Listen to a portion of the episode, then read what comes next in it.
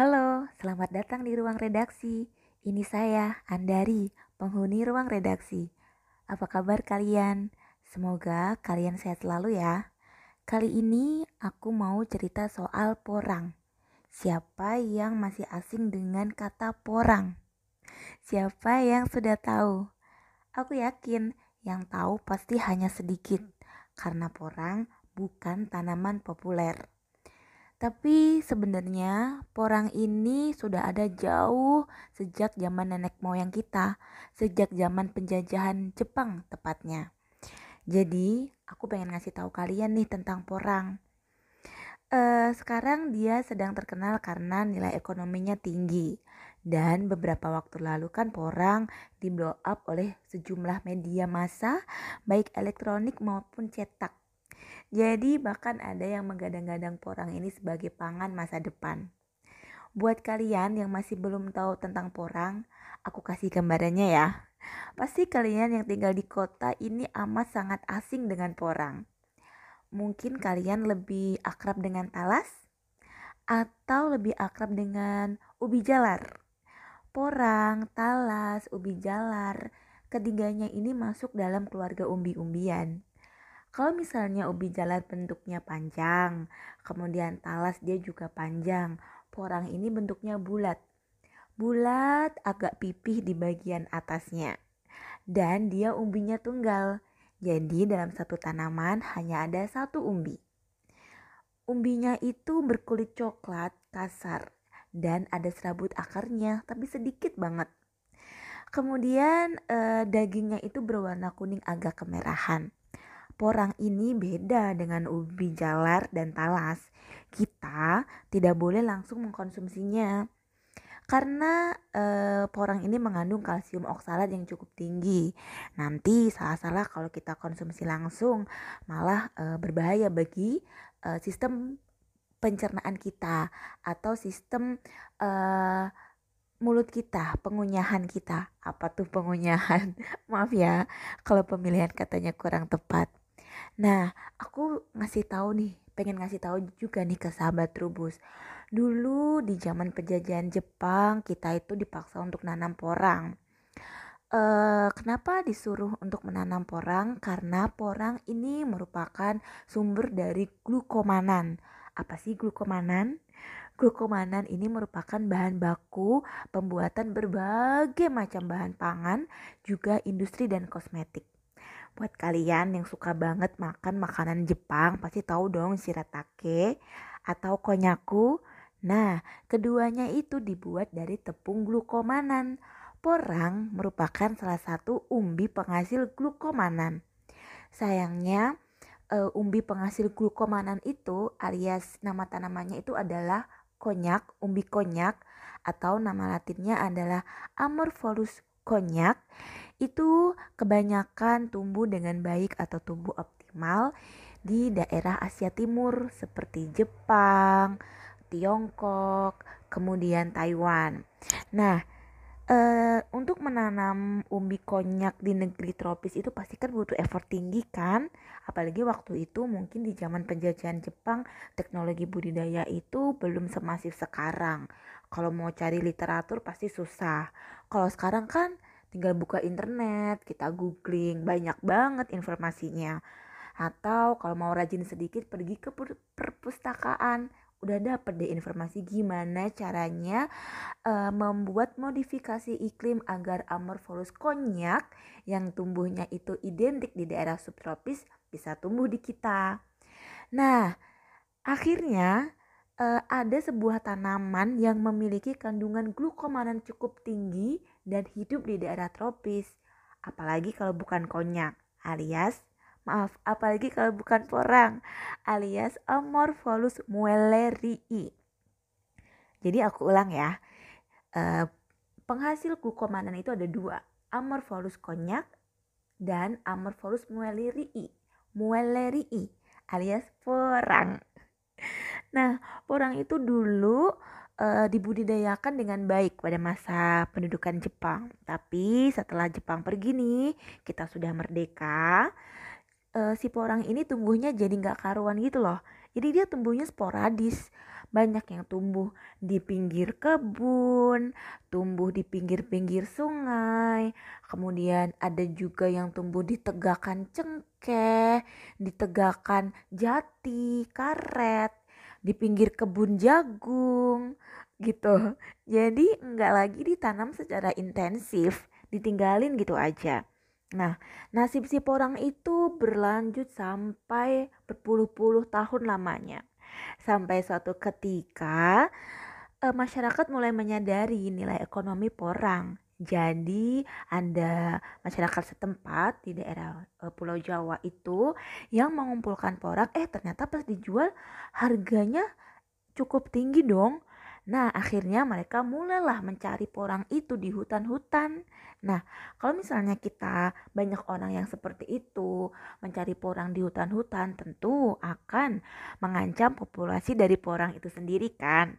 Nah, ternyata masyarakat kita itu cukup aware loh terhadap populasi porang karena nilai ekonominya cukup tinggi, mereka mulai membudidayakan porang porang bukan lagi uh, dicari orang di hutan-hutan untuk diambil, tetapi hanya diambil seperlunya untuk kemudian dibudidayakan di lahan sendiri. Sentra budidaya porang sekarang ada di Kabupaten Madiun, Jawa Timur. Dari Madiun ini mulailah uh, terjadi uh, pelebaran-pelebaran wilayah budidaya. Jadi bukan hanya di Madiun aja nih sekarang yang mulai masif menanam porang, tetapi ada juga di Tuban, kemudian di Gresik, ada juga di hmm, Bogor dan kemudian ada juga di Yogyakarta aku mau ngasih tahu uh, sahabat rebus nih, pengen cerita sedikit uh, sepertinya. Jadi di daerah Madiun itu dulu ada seorang pemuda namanya itu adalah Pak Paidi. Kalau kalian sering nonton YouTube, buka-buka YouTube atau cari-cari iseng-iseng baca-baca berita di internet, ketik aja nama Paidi. Jadi Paidi ini boleh dikatakan ikon Porang di Madiun. Beliau itu dulu uh, maaf ya adalah seorang uh, pemulung. Nah, awalnya Papaidi ini hanya mengumpulkan porang di apa di hutan-hutan, uh, di pinggir-pinggir uh, kebun gitu untuk dikasih ke pengepul. Tapi lama-lama beliau mempunyai lahan sendiri dan membudidayakan porang yang dulu awalnya Papa Idi hanya memiliki rumah uh, sederhana hanya berupa lantai plester sekarang rumahnya wow miliarder banget lah pokoknya. Dan lahan yang sedang dikelola Papa Idi sekarang itu bukan lagi 2 hektar tapi sudah sampai 10 hektar. Dan yang lebih membanggakan lagi adalah beliau berhasil mendirikan PT Paidi Indo Porang omsetnya nih, omset beliau sendiri nih itu sekitaran 150 juta per bulan. Menarik kan? Selain Pak Paidi, ada juga Pak Uriantoro yang omsetnya itu mencapai 66 juta dari hasil jualan 4 ton umbi segar. Nah, kalian pasti dari tadi bertanya-tanya, emang berapa sih harga jual porang? Jadi porang ini sahabat rubus bisa dijual uh, dalam dua bentuk. Pertama adalah umbi basah, kedua adalah keripik. Keripik ini bukan keripik kayak keripik singkong, keripik uh, tempe gitu ya, bukan ya. Keripik ini maksudnya adalah chips irisan-irisan umbi yang dikeringkan baik menggunakan sinar matahari maupun oven. Nah, harga umbi basahnya itu berkisar 8.000 sampai 11.000 per kilo. Sedangkan chipsnya 50.000 sampai 80.000 per kilo. Mayoritas pekebun porang itu menjual porang dalam bentuk umbi basah. Hanya beberapa orang atau pelaku usaha yang menjual porang dalam bentuk keripik. Kenapa? Ini ada banyak banget alasannya nih sahabat rubus. Uh, kalau kita menjual dalam bentuk keripik memang harganya itu lebih mahal, tetapi usaha yang dikeluarkan oleh si pengelola itu lebih tinggi karena dia harus memiliki alat perajang, kemudian alat untuk melakukan penjemuran dan kemudian alat untuk melakukan penyimpanan. menjemur umbi porang ini nggak sembarang loh, ada syarat-syaratnya. Kita harus memastikan umbinya itu benar-benar kering. E, cirinya itu adalah muncul atau terdengar bunyi tek gitu kalau misalnya dipatahkan. Dan kita juga harus memastikan nih umbi yang uh, kita jemur itu benar-benar kering ya, nggak boleh setengah kering alias setengah basah. Nanti bisa mempengaruhi harga jual. Pekebun biasanya menjual umbi basah itu ke pengepul. Nah, dari pengepul ini langsung dijual ke uh, pabrik pengolah porang. Nah, pengepul ini ada dua juga nih sahabat rubus. Ada yang menjual umbi basahnya atau dia ada yang e, mengolah dulu menjadi keripik baru dijual ke pabrik pengolahan e, umbi porang. Nah, pabrik inilah yang nantinya mengekspor porang. Selama ini nih pasar terbesar porang itu memang keluar negeri.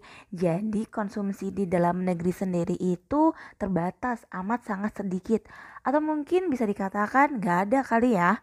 Nah nanti kita cross check lagi. Pokoknya dari hasil penelusuran narasumber kita, reporter kita nih, eh, selama ini tuh pasar terbesar porang uh, ke mancanegara seperti Jepang dan Tiongkok. Uh, aku kasih contoh ya, eksportir porang di Kabupaten Gresik, Jawa Timur itu ada PT Raja Wali Penta Nusantara itu merutin mengekspor irisan kering porang setiap bulan sejak 2015. Tapi sayangnya nih PT Raja Wali Penta Nusantara uh, mengkip banget datanya berapa volume ekspor uh, yang mereka kirim ke luar negeri. Nah, tapi nih manajer produksinya Pak Bambang Hernanto ngasih tahu nih berbaik hati nih ke kita. Kalau eh, pabrik PT Raja Wali Penta itu menginginkan umbi berbobot 1 kg dan utuh. Jadi kalau misalnya nih eh, pekebun porang pengen porangnya itu eh, terjual dengan harga yang bagus atau uh, diterima pengepul ya pastikan kalau uh, bobot porangnya itu adalah 1 kg dan utuh ya. Selain PT Raja Wali Penta Nusantara yang ada di Gresik tadi, ada juga nih eksportir porang yaitu PT Ambiko di Pasuruan, Jawa Timur. Beda dengan PT Raja Wali Penta Nusantara, ini PT Ambiko mau ngasih tahu nih produksi porangnya. Jadi kalau PT Ambiko itu memproduksi sekitar 2.500 ton irisan porang kering setiap tahun. Pasokannya tuh ternyata ada di berbagai macam pekebun nih, terutama pekebun di Jawa Timur seperti Probolinggo, Jember, Banyuwangi, dan Nganjuk. Kalau dihitung-hitung volume ekspor porang nih via Surabaya ya, itu dari tahun ke tahun selalu mengalami kenaikan volume nih. Aku bacakan ya. Ini data dari Balai Besar Karantina Pertanian Surabaya, Jawa Timur. Jadi di tahun 2017 kita itu mengekspor sekitar 4.363 ton kemudian di 2018 itu naik jadi 5.508 ton. Nah, di 2019 nih naik menjadi 7.303 ton. Wah, jadi memang peluang ekspor porang ini amat sangat tinggi ya sahabat Rubus. Nah, kalian mungkin uh, bertanya-tanya apakah dengan harga umbi basah 8.500 per kilo nih, kita kasih rata-ratanya ya, itu petani sudah untung, untung karena membudidayakan porang itu tergolong mudah. Jadi nggak uh, effortnya tuh nggak tinggi banget seperti tanaman pangan lain gitu sahabat turbus. Yang misalnya nih harus pestisidanya itu ada berbagai macam jenis lah fungisidanya ada berbagai macam rupa kemudian pupuknya macam-macam enggak. Karena kan pada dasarnya mereka ini adalah tanaman hutan ya. Tapi memang yang harus diperhatikan adalah kita itu uh, selayaknya memberikan ruang tumbuh atau tempat tumbuh yang uh, sesuai dengan apa yang porang itu mau gitu. Gimana sih maksudnya kamu? Maksud aku tuh gini, karena porang itu kan memang pada dasarnya uh, uh, apa namanya tumbuh itu di daerah hutan. Jadi pastikan intensitas sinar matahari tempat kita membudidayakan porang itu tidak terlalu terik gitu. Jadi porangnya pun dapat tumbuh dengan uh, dengan uh, sentosa dengan enak gitu. Dan pastikan juga uh, kondisi lingkungan itu lembab jadi karena porang itu menyukai tempat-tempat lembab, pastikan juga tempat kita membudidayakan porang itu kelembabannya terjaga. Nggak boleh terlalu kering, juga nggak boleh terlalu basah. Karena kalau misalnya lingkungan yang kering tentu akan mempengaruhi pertumbuhan tanamannya. Tanamannya jadi malas tumbuh dong, kok dia kekeringan nih kepanasan gitu. Dan sama aja kalau misalnya uh, tempat tinggalnya itu terlalu basah sama kayak kita nih kehujanan terus tiap hari gimana rasanya? Masuk angin dong uh, batuk-batuk dong flu pilek sama kayak porang kalau dia terlalu uh, basah tempatnya terlalu becek dan banjir tentu pertumbuhan umbinya tuh nggak bagus dan bahkan bisa menyebabkan kedatangan cendawan. Jadi pastikan rumah bagi si porang ini tumbuh itu sesuai dengan keinginan dia. Jadi kalau misalnya kita punya rumah yang sesuai dengan keinginan kita, tentu kita hidupnya pasti bahagia kan? Jadi subur kan? Sama kayak tanaman. Kalau misalnya ruang ruang hidupnya atau rumahnya itu enak buat dia tinggal, tentu dia akan memberikan performa yang baik. Jadi petani pun bisa panen porang sesuai dengan keinginan mereka. Nah, sahabat rebus, sudah paham kan sekarang tentang porang?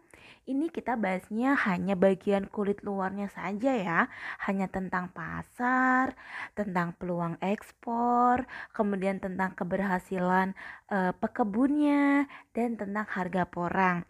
Kita harus punya ruang redaksi episode-episode selanjutnya untuk membahas lebih dalam lagi tentang porang.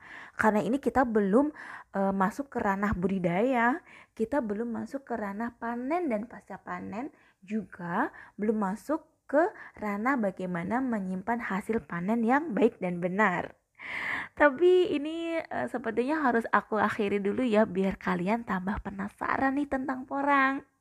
Makanya pastikan kalian selalu mendengar podcast Ruang Redaksi ya, salah satu segmen dari podcastnya Trubus. Terima kasih banyak telah mendengarkan. Sampai ketemu lagi. Bye.